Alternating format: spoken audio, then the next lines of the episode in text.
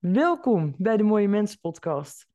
Je kijkt naar deel 2 van Heb uw naaste lief, die ik samen maakte met Huibrecht Poluit.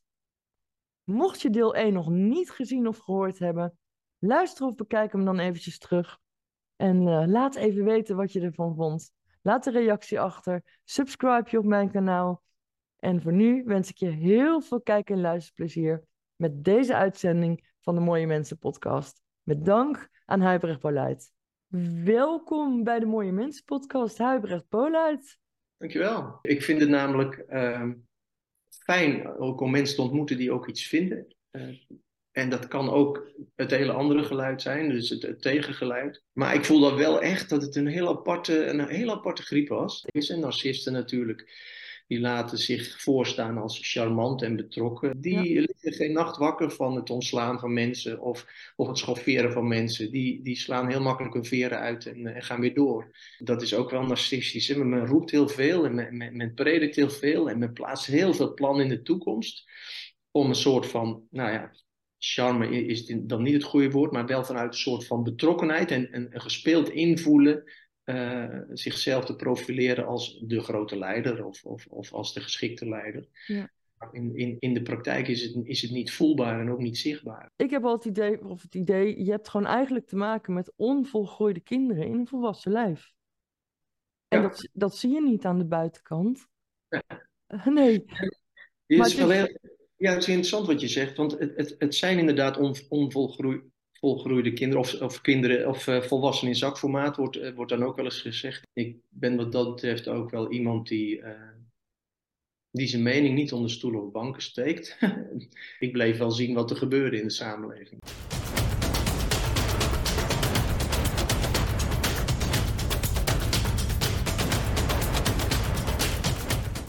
Ja, wel, wel een gekke ontwikkeling. Dus ja, dat minstens vraagtekens moeten hebben daarbij. Ja, Ook omdat het, het World Economic Forum, wat jij daarnet zei, het is natuurlijk gewoon een private organisatie. En ja, dan heb ik, had ik toen al mijn bedenkingen van, hé, hey, maar waarom gaan daar zoveel regeringsleiders naartoe? Ja. Hè, dat, dat is vreemd. Um, ja, ja en, en de uitspraken die ze doen, dat, ja, die, daar kun je ook best wel van schrikken. Hè? Ja. Ik bedoel, die, die meneer Schwab, die... Uh, die, die vertelt met trots dat, dat zijn Young Global Leaders al heel veel nationale overheden hebben ge, geïnfiltreerd. Hè? Zoiets zegt hij toch, hè?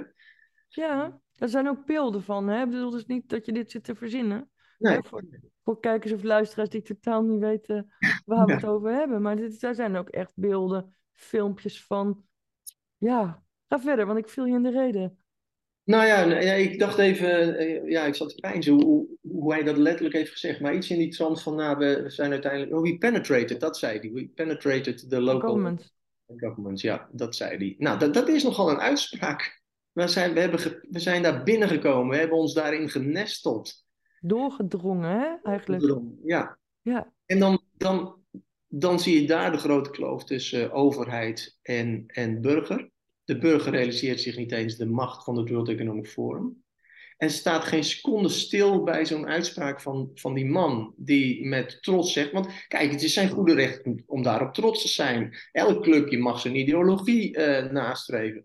Alleen als het uiteindelijk zo blijkt te zijn dat dat clubje nu zoveel uh, uh, latente macht heeft ontwikkeld, dat wij hier uiteindelijk meegenomen worden in beslissingen die in die clubjes zijn ontstaan waarvoor we niet uiteindelijk uh, in stemming zijn gezet. Hè. We, we, zijn niet gevraagd, zijn jullie akkoord of niet?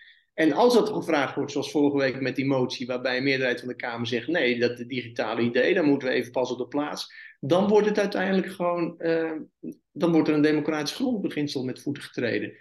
Ja, ik weet niet wat je als burger nog meer nodig moet hebben om je uh, toch beginnend zorgen te gaan maken. Dat, dat ja dat denk ik ook. Als je dat nog niet gedaan hebt, dan zou ik toch willen zeggen, uh, of ja, je kunt mensen ja. niet dwingen, maar je zou willen verzoeken van mensen, neem het nog eens in overweging om je daar toch wat meer in te verdiepen. Ja. Dat is het minste, denk ik, wat we uit kunnen spreken. Ja, dat, uh, ja, dat is heel zorgelijk wat gebeurt. Dus ja, ook ik maak mij zorgen. En zeker die digitalisering, waarbij een van de filosofen van dat clubje, het World Economic Forum, die uh, Yuval Harari, die dan ook niet onder stoelen of banken steekt van joh, de religie heeft zijn beste tijd gehad. Ik vind het heel respectloos naar een groot deel van de wereld, waarin toch, uh, laten we het hebben over vijf wereldreligies, die zet hij gewoon uh, in één zin totaal te kakken. Ja. En dat wordt gewoon gepruimd. En onze, onze minister-president die zegt, nou die Harari, indrukwekkend hoor, wat een, wat een bijzondere man ja, ik vind het, ik vind het heel erg beschamend dat, dat zo iemand wordt toegejuicht die, die zich zo vernederend uitlaat over, over mensen die religie heel belangrijk vinden. En, en, ja, hij gaat natuurlijk nog verder met zijn idee door te veronderstellen dat we naar een transhumane samenleving gaan, waarin we straks uiteindelijk semi-robots zijn. In ieder geval door veel digitale systemen worden gecontroleerd, gemonitord en gestuurd. Ja, wat heb je meer nodig als burger om wakker te worden? Ja. Ja, nou ja, ja. Een vrije blik en uh, een kritisch denkvermogen en iets minder angst. Want ja, angst wordt natuurlijk ook ingebracht de afgelopen paar jaar heel expliciet. Dus, angst is dodelijk, zeg ik altijd. Ja. Dat is je slechtste drijfveer. Ja, en angst maakt wel kneedbaar en dat zien we dus nu ook. En, ja, ja dat, dat begint heel klein. Ik, ik zag gisteren of ergens las ik ook in het nieuws de discussie over. Het ging over MeToo. En um, werd een deskundige gevraagd: van, ja, wat moet je dan op de werkvloer doen, als vrouw in dit geval, om, om op te treden tegen iemand die je onheus bejegent? En die deskundige zei: van, ja, dan moet je dan toch, uh, ja, dat moet je melden bij de vertrouwenspersoon. En dan was de reactie van de interviewster: ja, maar dan staat je baan op het spel. En toen zei die deskundige: ja, maar ja, je moet dan toch een afweging maken. En dan denk ik: daar gaat het fout een afweging maken. Nee, als jij respect hebt voor jezelf, dan op zijn minst of je slaat die beste knakker uh, zelf een, een kromme neus. En dan ben ik even heel plastisch. Of je kiest op een andere manier in ieder geval voor jezelf, maar je gaat geen afweging maken tussen goed en kwaad. Je kiest voor wat goed is voor jou. En dat kun je alleen maar kiezen als je heel dicht bij jezelf staat. Als je zelfrespect hebt. Dus het ontbreekt in de grond bij de moderne mens aan zoveel zelfrespect. En, en er is des te meer angst. Angst voor baanverlies, angst voor afwijzing, angst voor uh, het, het verstoten worden uit de groep. Ja, ja, dat is denk ik het gevolg van de welvaartsjaren die we hebben gehad. We hebben nooit hoeven te denken van waar sta ik nu? En corona bracht dat natuurlijk wel aan het licht. Hè? Mm. En dat, dat soort, eh, zeg maar, uh, het erkennen van elkaars ja, basale ik, dat zagen we om de vier jaar een beetje voorbij komen als we gingen stemmen. Dan, nou, soms wilden mensen wel eens stemmen van, nou, ik stem PVV of ik stem GroenLinks. Maar op die vleugels, dat wilde je toch niet echt laten weten. En dat kon je ook nog mooi eigenlijk bedekt laten. Dat hoef je niet te zeggen, net zoals salaris, je hoeft niet te zeggen wat je verdient. Maar met die coronadiscussie werd heel duidelijk aan de oppervlakte van, ja, wat had je een QR of was je gevaccineerd of niet, of droeg je je mondkapje of niet. Dat, dat, dat liet heel stellig zien wie je durfde te zijn. Los van welke kant je ook koos. Maar je liet stellig zien wie je durfde te zijn. Ja, en er zat natuurlijk een grote groep mensen bij die dat niet durfden. Dus daar werd voor het eerst, denk ik, de massale angst onder mensen heel goed zichtbaar. Niet de angst voor het virus aan zich, maar angst om te durven zijn wie ze eigenlijk zijn. Ja, en ik, ik denk zelf ook, oeh, ik kan nog zoveel, zou ik nog zoveel dingen kunnen antwoorden op alles wat je zegt, ook over de vertrouwenspersonen van zojuist. Uh, het lijkt ook wel alsof dat voor mij in ieder geval te maken heeft met de afhankelijkheidsstoornissen. Dat als je niet meegaat met de massa, of dat nou in privéleven is of in de politiek, het lijkt wel of mensen echt bang zijn om er niet bij te horen. Dus ze lopen maar achter de kudde aan. Ja. Of zie ik dat verkeerd? Nou ja, kijk, als je identiteit uiteindelijk bepaald wordt door, door, het, door het groepsgevoel, uh, dan ja, dan ben je al een heel eind verloren. En in die tijd leven we ook. Uh, ik denk dat het ook te maken heeft met het, met het tekort aan bezinnen. En, en vervolgens ook weer met het verstoten van religieus denken of spiritueel denken. Op het moment mhm. dat je leert in, introspecteren, uh, niet alleen op, op, op, op cognitieve capaciteit of of eh, kwetsbaarheden, maar ook op je spirituele ik. Hoe verhoud ik mij tot het onzichtbare? Is er een onzichtbare? Dat leerde je vroeger van jongs af aan in de kerk of, of, of, of, of op de christelijke of de katholieke basisschool. Of, en gelukkig zijn nog steeds religies die daar wel heel erg, uh, met name de islam, dat, in dat opzicht respecteer ik die religie heel, heel erg, omdat die mensen, en je ziet het ook bij, bij bijvoorbeeld gereformeerde mensen in het land ook, hè, die, die vinden religie nog heel erg belangrijk. Ja. En, en, en die ruimte moet er ook bestaan. Maar wat zij vooral doen, is dus heel erg nadrukkelijk bezinnen op die waarden. Die zijn gekoppeld aan, aan een hogere macht, bijvoorbeeld. Ik wil niet hebben over het ware bestaan van een God of niet. Maar alleen het durven denken over het bestaan van zoiets. Uh, zet je in een andere modus dan alleen maar eh, consumeren en met data en modellen bezig zijn. Uh, want dat kunnen we nu meteen controleren. En dan hoef ik ook niet voor naar mezelf. Want ik kan mijn angst uitbesteden aan een modelleur van het RIVM en dan komt alles goed. En, en, en dat, dat heeft te maken, denk ik, met, ja, met de massale onthechting van zichzelf. Mensen zijn onthecht van zichzelf. En als je onthecht bent van jezelf en dus niet meer, niet meer samenvalt met je, met je met je spirituele behoefte, omdat je niet eens kent wat het is. Je, bent je eigen, ook je eigen beroep, je beroepstalenten kwijt, want ja, je doet maar waar, je het meeste geld voor krijgt of wat status geeft. Uh, nou, er komt ook liefde bij. Wat, wat betekent liefde voor mij en durf ik daar ook mezelf te zijn?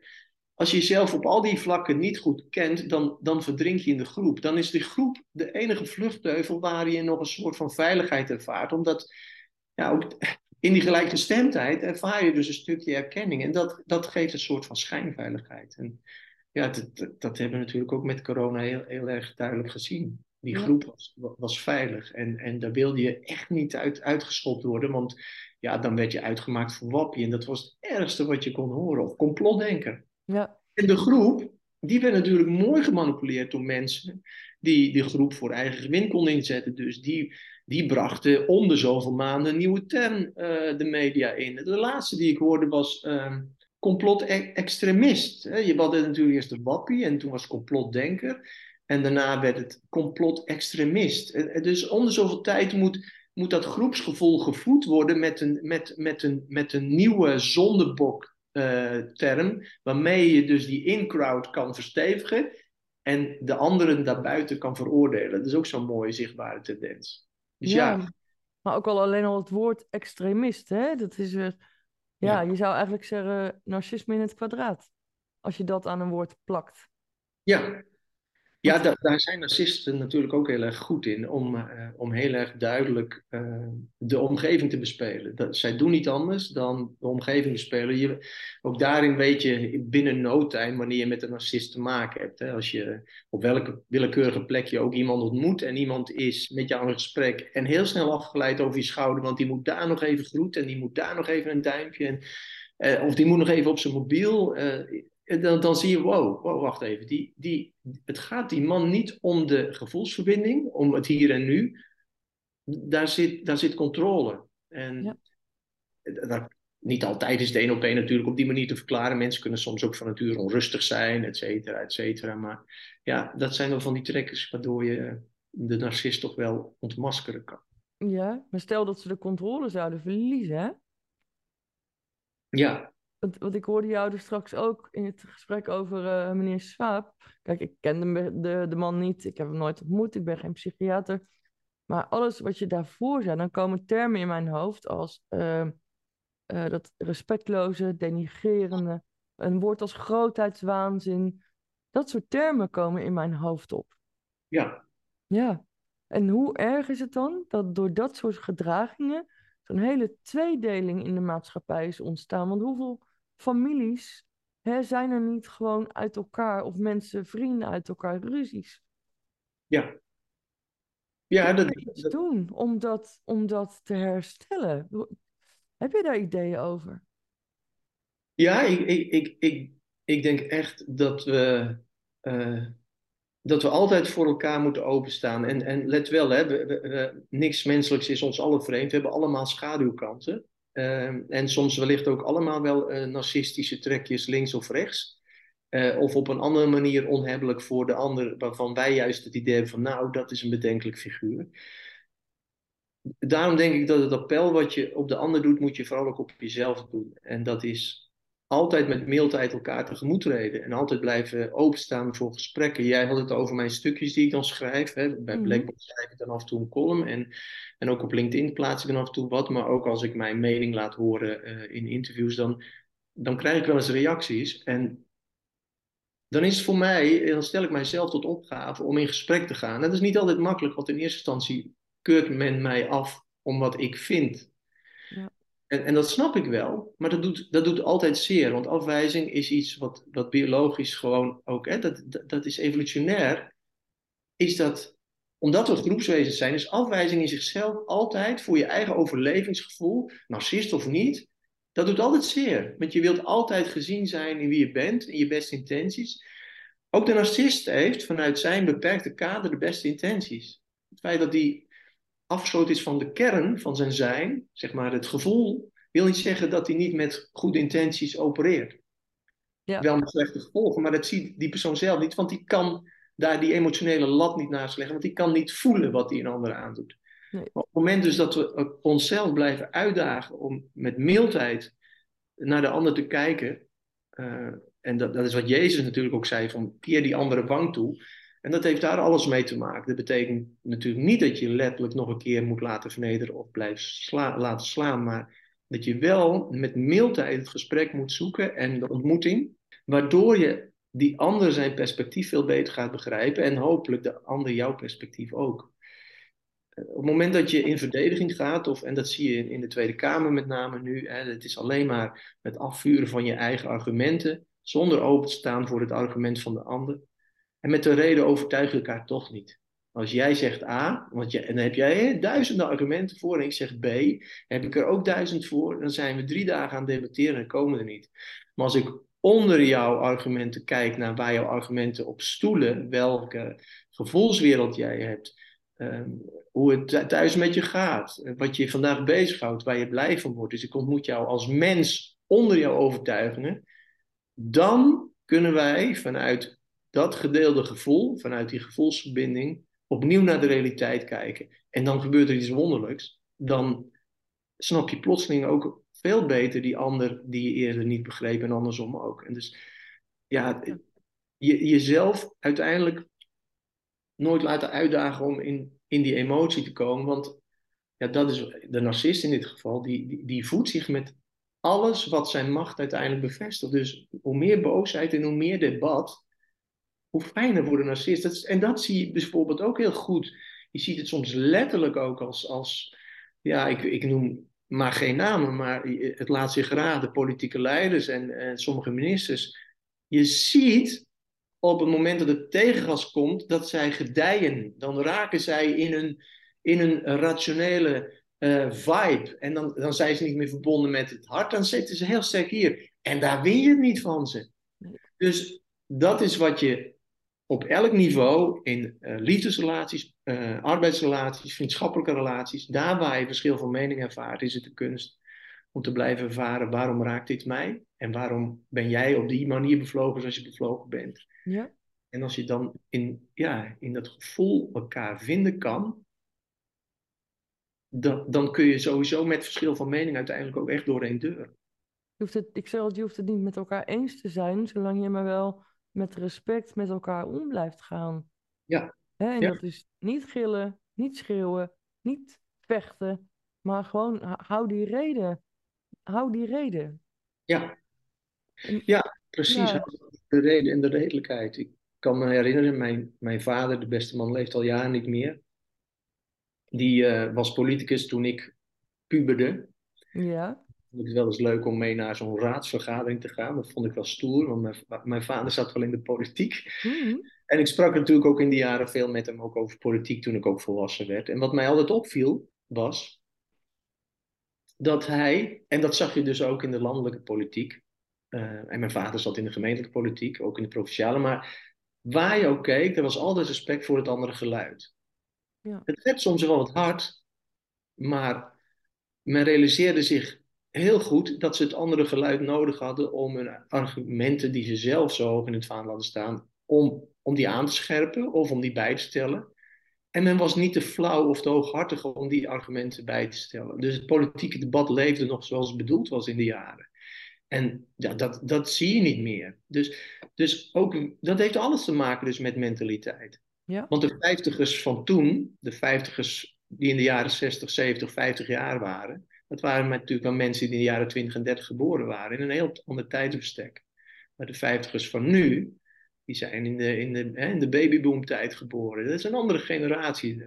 Maar wat ik, uh, wat ik daarnet al zei, Mhm. die hebben altijd de wind meegehad. En, en die zijn in, in het idee gaan geloven dat, dat ze dat ook hebben verdiend. Ja, Dat, dat is een irrationele gedachte. Dus we gaan maar zo door, want het heeft altijd geholpen. Maar dat is geen eigen verdienste geweest, gek genoeg.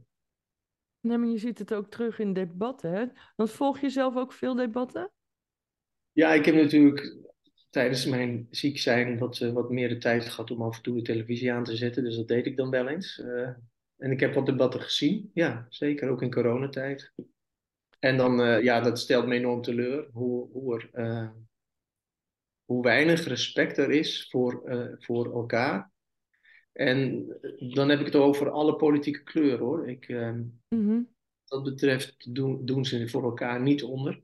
Een paar politici uitgezonderd die heel bewust eh, het midden blijven zoeken en het respect blijven, blijven tonen en, en die, die je ook zichtbaar geraakt ziet zijn soms. En, Ja. en van daaruit ook eh, veel respect, denk ik, oogsten. Nu in de, in de peilingen bijvoorbeeld. Mhm. En dan heb ik niet over extreem links of extreem rechtse partijen, voor zover er extreem bestaat, maar links of rechts. Hè, maar Ja. eh, ja, wat mij dan opvalt is ook de kunst van het verdraaien van de realiteit. Mijn laatste column wat, die ik heb geschreven ging over een media-artikel. Jij hebt het misschien nog gelezen vandaag. Dat zou kunnen. ja. Het ging over eh, een van de grootste televisiezenders. Die hadden een eh, opmerking van Elon Musk, die natuurlijk de baas van Twitter is geworden. En die daar eh, Twitter, de Twitter-geschiedenis en, en het beleid van Twitter van de afgelopen jaren is, aan het uitspitten is. En om die reden had hij een tweet geplaatst richting Fauci, de grote man. Ja, de, de, de- het hoofd van de medicijnen, zullen we maar zeggen. in Amerika. En, eh, en dat deed hij met een reden. Kijk, je kan natuurlijk ook wel weer zeggen van nou, dat is, dat is erg kort door de bocht, dat moet je afkeuren. En dat deed, dat deed die nieuwsmedia ook, de, de media de, die, dat, die daar een artikel over schreef gisteravond, die deed dat ook. Alleen ze vergaten te noemen waarom uiteindelijk Elon Musk die harde uitspraak deed over Fauci. Mhm. En, en dat is wat ik bedoel met draai. Dat zie je dus op elk niveau. Dat zie je dus in de media gebeuren. Men pikt die 5% van de realiteit eruit. Dat vergro- vergroot men tot een nieuw nieuwsfeit. Waardoor die andere 95% voor de gemiddelde burger weer onderbelicht blijft. En dat zie je politie ook doen. Die, er- ja, Rutte, ik wil in dit geval wel zijn naam noemen, die is een meester in. Op het moment dat hij in persconferenties, eh, zeker in coronatijd, eh, eh, eh, aan de kaak werd gesteld. Of hij antwoordde niet, dan zei hij gewoon heel stellig: Ja, daar kan ik niet op ingaan. Of hij herhaalde de vraag en gaf er een draai aan, waardoor hij uiteindelijk zijn eigen eh, narratief gewoon weer kon onderstrepen. Het, gaat voortdurend niet in wederkerigheid. En op het moment dat jij me vraag stelt, dan wil ik me heel goed realiseren wat de intentie van jouw vraag is. En dan probeer ik zo nauw mogelijk te luisteren van, oh ja, dit bedoel je, en dan geef ik jou antwoord. En dan geef ik jou de ruimte om, om een, een, een nuance aan te brengen of te parafraseren en mij nog een vraag te stellen. Nou, dat zie je dus politie helemaal niet meer doen. Want als een, als een journalist voor de tweede keer zegt van ja, maar dat, dat bedoelde ik niet. Nou, die minister of de minister-president geeft gewoon weer dezelfde an- antwoorden die, die hij had gegeven. Ja. En er is dus, dus geen pra- sprake van een ontmoeting. Nee, maar dat zie je ook. Want daarom, daarom vroeg ik eigenlijk... In, mooi dat je dat zegt hoor. Want in eerste instantie was dat de reden dat ik vroeg van... Kijk je wel eens naar debatten? Want het valt mij niet alleen op tijdens de- al die persconferenties vielen mij op. Maar ook tijdens debatten. Dat er een vraag wordt gesteld. Even, ik, ik maak hem even kort hoor. En dan krijg je een antwoord. Of vaak zo van...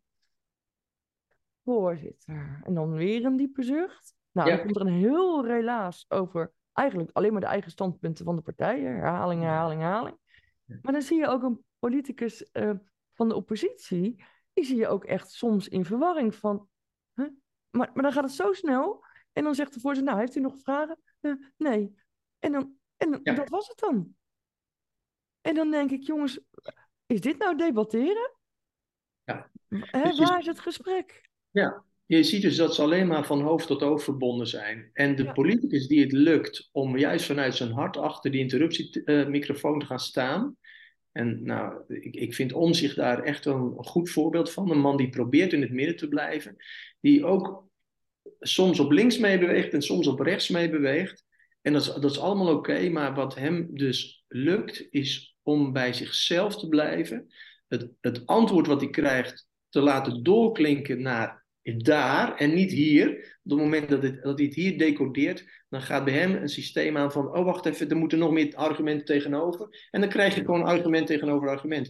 Maar hij gaat letterlijk en soms ook met een gevoelsreflectie, want hij is soms wel wel van het gevoel en dan zegt hij het maakt me verdrietig dat en, hè, en dan komt er ook een, een, een gevoelsuiting. Nou, Mhm. dat, dan zie je ook, en dat, dat zijn ook uh, fragmenten die viral gaan, dat is wat mensen nodig hebben. Zeker uh, de, de mensen die de volksvertegenwoordigers hebben gekozen. Maar dat is ook wat de politiek nodig heeft. Dat is wat politici ook nodig hebben onder elkaar. Het vermogen om uh, oprecht geïnteresseerd te zijn in de ander. Nieuwsgierig naar waarom zeg je wat je zegt. En dat is, dat is er helemaal niet meer. Nee, dat ben ik met je eens. Het empathisch vermogen. Ik vraag me echt wel eens af, zeker in de Tweede Kamer hè, of, of, of in de Eerste ook, uh, waar is het empathisch vermogen gebleven? Ja. En dat, dat ja. Wij hebben uiteindelijk deze volksvertegenwoordigers gekozen. Dat, dat zegt ook veel. Dus wij hebben uh, ja.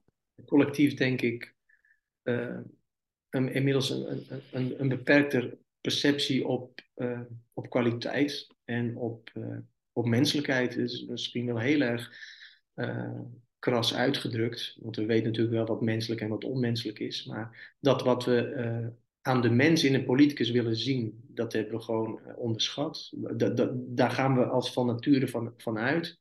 Ja, en dan kom je weer terug bij de narcist die natuurlijk enorm getraind is in het voorhouden van een masker. En ja. het zou zou goed zijn dat de mensen deze podcast straks uh, gaan kijken. Ja, nou ja, weet je, ik, ik heb dan, ik, ik bedoel, deze podcast is nog niet zo lang aan de gang, dus dat moet nog groeien. Mm. Um, maar ik heb dan liever bijvoorbeeld, uh, nou ja, pak een beetje 300 vaste kijkers, dan 100.000 mensen die na twee minuten afhaken. Ja, zeker. Ja. Hè, want het gaat mij echt ook om de boodschap die gebracht wordt. En ik, nou, tot nu toe vind ik het een bijzonder interessant gesprek, Huibrecht. Dus uh, ja. ja. Um, ik vroeg me alleen ook af, want uh, daar straks zei je iets over dat je soms ook reacties krijgt hè, op, op de stukken die je schrijft. Um, afwijzing hoorde ik vallen. Ik heb zelf denk ik altijd, als iemand uh, zo reageert op wat ik uit, als ik al iets uit, hè, want daar moet je als vertrouwenspersoon ook voorzichtig mee zijn. Uh, dan denk ik van ja, het is een soort van jouw tekortkoming dat jij zo op mij reageert. Dus dan, ik ga er dan ook meestal niet op in of ik zet hashtag dank voor uw feedback. Want dan denk ik ja, kom je met iets constructiefs, dan kun je daar wat mee. Maar ja, maar ik, ik, denk ook wel dat je dat altijd moet doen. Kijk, met mildheid de ander benaderen betekent natuurlijk niet dat je palen voor de zwijnen moet gooien. Je hoeft je niet aan te dienen als deurmat waar iemand zijn eigen frustraties op kan afvegen. Dat, Nee. dat is niet bedoeling. Ik denk dat je je grens wel moet bewaken. En, uh, en dat kun je dus ook alleen, juist als je hart open is. Als je oprecht uh, of met de zuivere intenties debat aan wil gaan, dan voel je ook heel snel of die zuivere intenties van de andere kant ook binnenkomen. En als je dan voelt dat er alleen maar geprobeerd wordt of te sarren of om uh, niet op inhoud, maar om heel subtiel een andere boodschap weg te zetten, dan zeg ik natuurlijk ook van nou, ik heb niet het idee dat we hier nu uitkomen. En soms zeg ik dan ook van nou, ik heb sterk het idee dat u uh, ook bewust niet op inhoud ingaat. En dat, dat kan je dan ook duiden, want je, ik stel duidelijk vraag A. En u reageert niet op vraag A, maar u komt steeds weer met een nieuwe B, C of D. Laten we dan eerst A doen en dan kunnen we naar B, C of D. En dan houden mensen ook vaak op, dan trekken ze zich terug. Ja. ja. Dus ja, het, het, uiteraard is het zo dat je vanuit, uh, vanuit het voelen juist veel beter nog kan beslissen dat je op een zeker moment kan stoppen. Ja. En het mooie is, je, bent, je, je, je neemt niet de negativiteit van de ander in je. Op het moment dat je dat terugbrengt, ook op een respectvolle manier van, joh, we begrijpen elkaar niet, want zo eindigen soms ook die debatten of die gesprekjes. We, we begrijpen elkaar niet, laten we het dan hierbij laten. Ja. Dan, dan zal voor die ander ook gelden van, oké, okay, nou, dat, uh, het is niet gelukt. En ik, ik voor mezelf vind het dan toch interessant wat ik eruit meeneem. Want uh, een tegenstelling kan zo gek nog niet zijn, of er zit altijd iets in wat je kan gebruiken. Dat geloof ik wel. Kijk, ik heb het niet over uh, onrecht of geweld. Hè, dat, dat, daar haal je niet iets uit. Maar als je het hebt over politieke tegenstellingen, over een ander wereldbeeld, of een ander maatschappijbeeld, of een ander mensbeeld. ja, soms word je ook juist meegenomen in een perspectief wat je zelf niet kende. En dan stel je misschien minimaal ook je eigen beeld bij. En volgens mij is dat het systeem van democratie. Dat denk ik ook. En het mooie is, ik moest ook heel even nadenken net toen je, toen je dat zei over niet met geweld uh, mensen beantwoorden of wat ook. Maar ook eigenlijk, ik denk de laatste tien zinnen die je nu hebt uitgesproken. Dat was mijn volgende vraag. Van, nou, hoe ga je dan zelf mee om als mensen zo reageren? Dus dank, want die heb je dan zojuist beantwoord. Ja, ja maar ook over het stukje menselijkheid. Hè? Je zei, we weten allemaal wel wat menselijkheid en onmenselijkheid is. Maar ik vraag me dat echt wel eens af. Als je ziet hoe mensen elkaar inderdaad, bijvoorbeeld op de socials, als het ware, afslachten. Ja, niet alleen op de socials, ook in de, in de politiek. Hè, die, nou, als het ware lynchpartijen. Ik bedoel, het, is niet, zijn niet meer de tijden van de gebroeders de Wit uh, die in Dordrecht uh, letterlijk gelyncht werden. Ja. Maar soms denk ik wel eens van mensen, waar zijn we mee bezig met z'n allen? Ja. En laten we alsjeblieft die verbinding herstellen. Ja, ik denk ook dat je wat makkelijker rugzichtloos kan handelen op het moment dat je niet emotionele lading voelt van je woorden. Dus ook hier geldt weer als mensen wat makkelijker van hun gevoel zijn afgesneden, dan, uh, dan raakt het ze niet zo wat, het, wat iets met een ander doet. Ja. En ja, daar moeten we op, op, waakzaam op zijn. En uh, het, het, het polariseren en het ontnemen van het debat heeft natuurlijk ook voor gezorgd. En daarmee pleit ik natuurlijk al die gekken op internet niet vrij die, die, die bedreigen en baalgewelddadig zijn, et cetera. Dat, dat is nooit goed te praten. Maar zij zijn natuurlijk wel de veruiterlijking van de frustratie die bij heel veel mensen zit, doordat ze zich niet gehoord of gezien weten. Ja. Uh, dus dat is een uitwas van een totale dynamiek. Natuurlijk zijn zij daar direct op aanspreekbaar, hè, want dat gedrag dat is laagbaar, dat hoort niet. Je hoort niet mensen te bedreigen en je hoort geen gekke taal te gebruiken. Je moet respectvol met elkaar in debat. Maar ergens is het wel een logisch gevolg van wat we met z'n allen elkaar aandoen. En dat is elkaar niet meer zien als, als een gelijke met, met dezelfde angsten, met dezelfde hoop, met dezelfde verlangens. En dat klinkt allemaal cliché, dat realiseer ik me, maar zo eenvoudig is het volgens mij wel. Dat je op het moment dat je de ander ontmoet, hoe, hoe allergisch je reactie ook is bij zo iemand, dat je toch denkt van waarom, waarom kruipt deze persoon negatief onder mijn huid? Ja. Dat zegt veel meer over jouzelf dan dat je kan zeggen dat komt door die ander of die, die boodschap van die ander. Waarom raakt dit mij nou zo? Ik denk als... als je het inderdaad bij de ander legt, dan des te meer raak je verder verwijderd van je eigen gevoel. Ja, ja. ja precies. Ja, exact. Dat, dat, is, dat is de foute dynamiek waarin we ook beland zijn. Je, Ja. je, je blijft steeds de ander aanwijzen voor je eigen ongemak. eh, ongemak. Dus je ex- externaliseert of je projecteert je, je eigen onlusten op een ander. Nou, dan blijf je lekker weg bij het graven naar de innerlijke reden waarom je geraakt bent. En vaak begint dat weer bij angst. En ja, we hebben het natuurlijk ook in coronatijd gezien. Hè, op het moment dat steeds meer duidelijk werd dat, dat, dat maatregelen misschien toch niet zo steekhoudend waren gekozen of, of, of helpend waren. Dat mensen die uiteindelijk voor zichzelf hadden gezegd van ja, maar ik doe het wel, want het helpt. Die konden letterlijk zelf moeilijk naar zichzelf herkennen van ik was misschien iets te snel, te goedgelovig. Als je dat doet, dan ga je aan je eigen, uh, ja, aan je, aan je eigen Ja, ja, slimheid twijfelen of, je, of je, je eigen inborst van was ik dan misschien toch wel een beetje laf om voor mezelf te kiezen. Dus dat doe je niet. Dus dan verharden mensen en dan, blijven ze nog, dan gaan ze nog harder roepen van ja, maar die wappies toen en, en dat. Ja, dat is wat je, wat je ook zegt. Hè? Dus als je blijft roepen naar de ander, dan blijf je lekker weg bij jezelf. en dat zei je in het begin van het gesprek ook, hè? Van als je iemand dan bijvoorbeeld een wappie noemt of woke, dan ben je aan het labelen. Ik vind het woord wappie of woke of whatever, vind ik ook heel erg.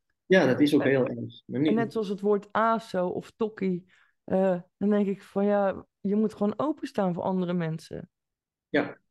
Ja, Ja, het is, en blijven luisteren naar je gevoel, naar je eigen gevoel. Want vaak is dat de beste raadgever die je maar kunt hebben. Ja. Hoe, ja, of zie je dat ook zo? Of- Nou ja, dat is zo. Ja. Het is heel moeilijk voor heel veel mensen om te, om te luisteren naar het gevoel. Dat heb ik ook altijd gemerkt in mijn vak. En ik, ja, ik heb de kleine twintig jaar eh, ben ik nu in de spreekkamer actief. En ook veel groepstherapie gegeven. Ook op allerlei niveaus met mensen gewerkt. Mensen die hoger opgeleid zijn, laag opgeleid. En dan verbaast het me altijd hoe weinig mensen eh, op deze manier hebben leren nadenken over zichzelf. Ja, gevoel. Ja. Ah ja, ik ben soms inderdaad verdrietig. Ah, Ja, dan ben, oh ja, dan ben je dus gevoelig. Maar het hele relief aan gevoelsleven, men weet niet dat het bestaat. Ja, psychologische mechanismen als afweer, het ontkennen, het verdringen, het, het eh, sublimeren van zaken.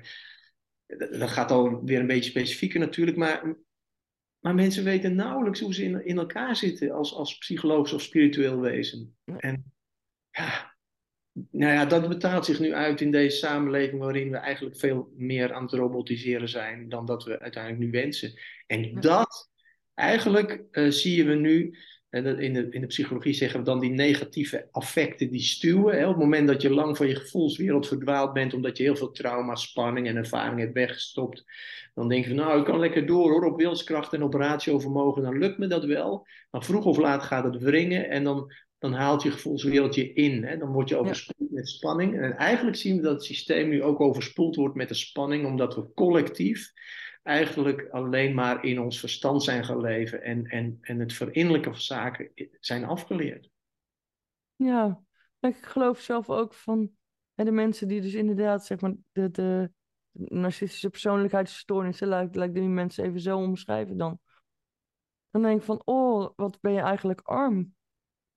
Dan denk ik van, Ja. jij komt misschien nog twintig keer terug op aarde, moet nog twintig keer verantwoording afleggen boven. Ja, ik zal er ook nog niet zijn, maar eh, dan denk ik van, nou, op een aarde als dit, ik moet er niet aan denken dat ik nog twintig keer terug zou komen. Maar dan maak je de denkfout natuurlijk, de narcist die ervaart dat gevoel niet zoals jij het ervaart. Nee. Dus die, eh, het gaat de narcist vaak prima, zolang, eh, zolang die zijn natje en zijn droogje heeft en, en succes en aanzien. En ja, daar kun je in deze wereld je hart ophalen. En eh, ja, doordat die narcistische systemen eigenlijk inmiddels zo doordrenkt zijn met die dynamieken, kun je uiteindelijk als narcist je makkelijker ook een weg naar de top vinden dan, dan wanneer je eh, zeg maar veel minder last hebt van, eh, van ongevoeligheid. Er zit een leuk paradox in, hè? last hebben van, van ongevoeligheid. Ja, ja, ja, ja, ja. Eigenlijk, eh, ja, want dat hebben zij dus niet. Ehm, maar ik, ik bedoelde eigenlijk te zeggen, je, mensen die gevoelig zijn, die hebben daar last van. En eh, ja, dan, dan kom je niet zo makkelijk in, in, in de top van die systemen. Dan, Eh, dan word je juist Ja, dan word je, dan word je, ja, dan word je als voedsel gezien voor de narcist. En dan word je uitgetest. En zodra je daar over verbinding en wederkerigheid gaat praten, dan voel je dat je, ja, heel snel voel je of je in het juiste systeem zit of niet. Daar kom je niet door. Nee. Voel je Niet door, nee. En, maar daarom vind ik het wel goed voor al die mensen die daaronder lijden, hè, met een lange ei, eh, dat er vertrouwenspersonen zijn waar ze in ieder geval terecht kunnen. Ja, ja zeker. Ja. Ja. Hey, Nou, dat is, dat, is, dat is heel veel waard. Dat is echt heel veel waard. Want eh, de narcist brengt heel veel schade toe. Hè, dat, dat weten we ook. Ook in systemen, in relaties natuurlijk ook, maar ook in, in, in organisaties en, en allerlei, eh, ja, allerlei. Overal waar mensen zijn. eh, je hoeft er maar één narcist tussen te hebben en je hebt een rotte appel eh, in, de kist. En dat, maakt alles stuk. Dus dat Ja. maakt. maar wanneer niemand zich uitspreekt, gebeurt er ook niks. Nee, nee. Nee. De- En dat is de kunst. Maar degene die zich uitspreekt, zal als eerste uit de groep worden geschopt. Omdat die narcist uiteindelijk de hele dynamiek beheerst. En heel goed in staat is om, om de klokkenluider eh, een schop onder de kont te geven. En eigenlijk moeten mensen gaan realiseren dat ze, dat, dat, ze moeten zich dat waard vinden. En ze moeten trots worden op het feit dat zij de ontmantelaars kunnen zijn van iemand met verkeerde intenties. Ja. Dus Dat- die groep van ontmantelaars, ja. die zou eigenlijk groter moeten groeien. Maar die is volgens mij aan het groeien, Huibrecht. Ja, denk ik ook. Ja. Mensen Ja. gaan steeds meer zien dat zaken absoluut niet kloppen. Ja. Ja. Ah, jee, nou, ik vraag eigenlijk, want ik, ik, we zitten echt een hele tijd al te praten, maar ik heb helemaal niet het idee alsof, alsof we al heel lang aan het praten zijn. Ik weet niet hoe jij dat ervaart. Nee, nee, ja, ik denk anderhalf uur nu bijna, nog niet? Ja, zoiets? Ja? Nou, Ja, mooi, maar ehm, ik vraag eigenlijk altijd standaard van, eh, wat is jouw definitie van een mooi mens? Maar volgens mij heb je die eigenlijk al benoemd. Maar je mag hem alsnog beantwoorden als je hem in één korte zin... Maar volgens mij heb je hem in heel de podcast doorlopend benoemd. Ja, ja misschien, misschien kan ik hem specificeren. Wat ik mooi vind aan mensen is wanneer ze in staat zijn om oprecht geïnteresseerd te zijn in de ander. Dus nogmaals, hoe, hoe, hoe anders die ander ook mag zijn. En verwijs ik nog even terug naar mijn opvoedingsjaren. Dat was mooi. Ik ben christelijk opgevoed. Uh, in een CDA-gezin. Ik vertelde, mijn vader was politicus. Dus dat was uh, zeg maar gemiddeld gematigd christelijk gezin. Helemaal niet streng. Maar ik heb meegekregen van mijn ouders dat je voor iedereen open moet staan. En tolerant moet zijn naar alle mensen van allerlei kleur, van allerlei geaardheid, van allerlei geloof. En ik vind dat zo'n waardevolle uh, gedachte. Zo, dat is zo'n mooi uh, vertrekpunt voor het, het zelf leven met, de ander. Da, daar ben ik ze nog steeds dankbaar voor. En dus ik denk van daaruit dat dat ook mijn beeld is van uh, de mens die ik graag ontmoet. Iemand die die open staat voor anders kunnen denken, anders durven kijken. En dat kun je dus alleen maar doen als je eerst begint te kijken naar je eigen kwetsbaarheid. En Dus kwetsbare mensen ontmoeten vind ik fijn. Misschien ben ik daarom ook wel uh, al heel lang ook uh, in, in het vak van therapeut actief, omdat ik die kwetsbaarheid van mensen eigenlijk heel erg bewonder. En, en, en vind ik een groot talent. En ja. als je daarbij ook nieuwsgierig kan zijn, en, en, en durf te fantaseren en durf te verlangen. Dus altijd ook voorwaarts willen kijken. Ja, dat, dat vind ik wel mooi aan mensen. Heb je naaste lief? Ja. Ja, mooi, ja. dankjewel. Het, er heeft ook wel eens een, een, psycholoog tegen mij gezegd van... Um, ik, en, en niet omdat ik patiënt was, maar gewoon in een gesprek ook. Hè? Van, ik hou van alle mensen. Ik hou ook van mijn patiënten. En niet, niet op seksueel vlak of wat dan ook. Maar ik hou van u omdat u een mens bent. Mm Dat vond ik zo mooi. Ja. Ja. Dat, uh, ja. Daar moest ik ineens even aan denken. Maar um, heb jij nog in één zin ook als je kunt of wilt voor mijn kijkers of luisteraars een laatste boodschap, Huibrecht? Uh, wow. Nou ja, misschien in het verlengde van, dat, van dit gesprek is blijf um, positief. Ook al is soms het leven ogenschijnlijk gedoemd te mislukken. Mm -hmm.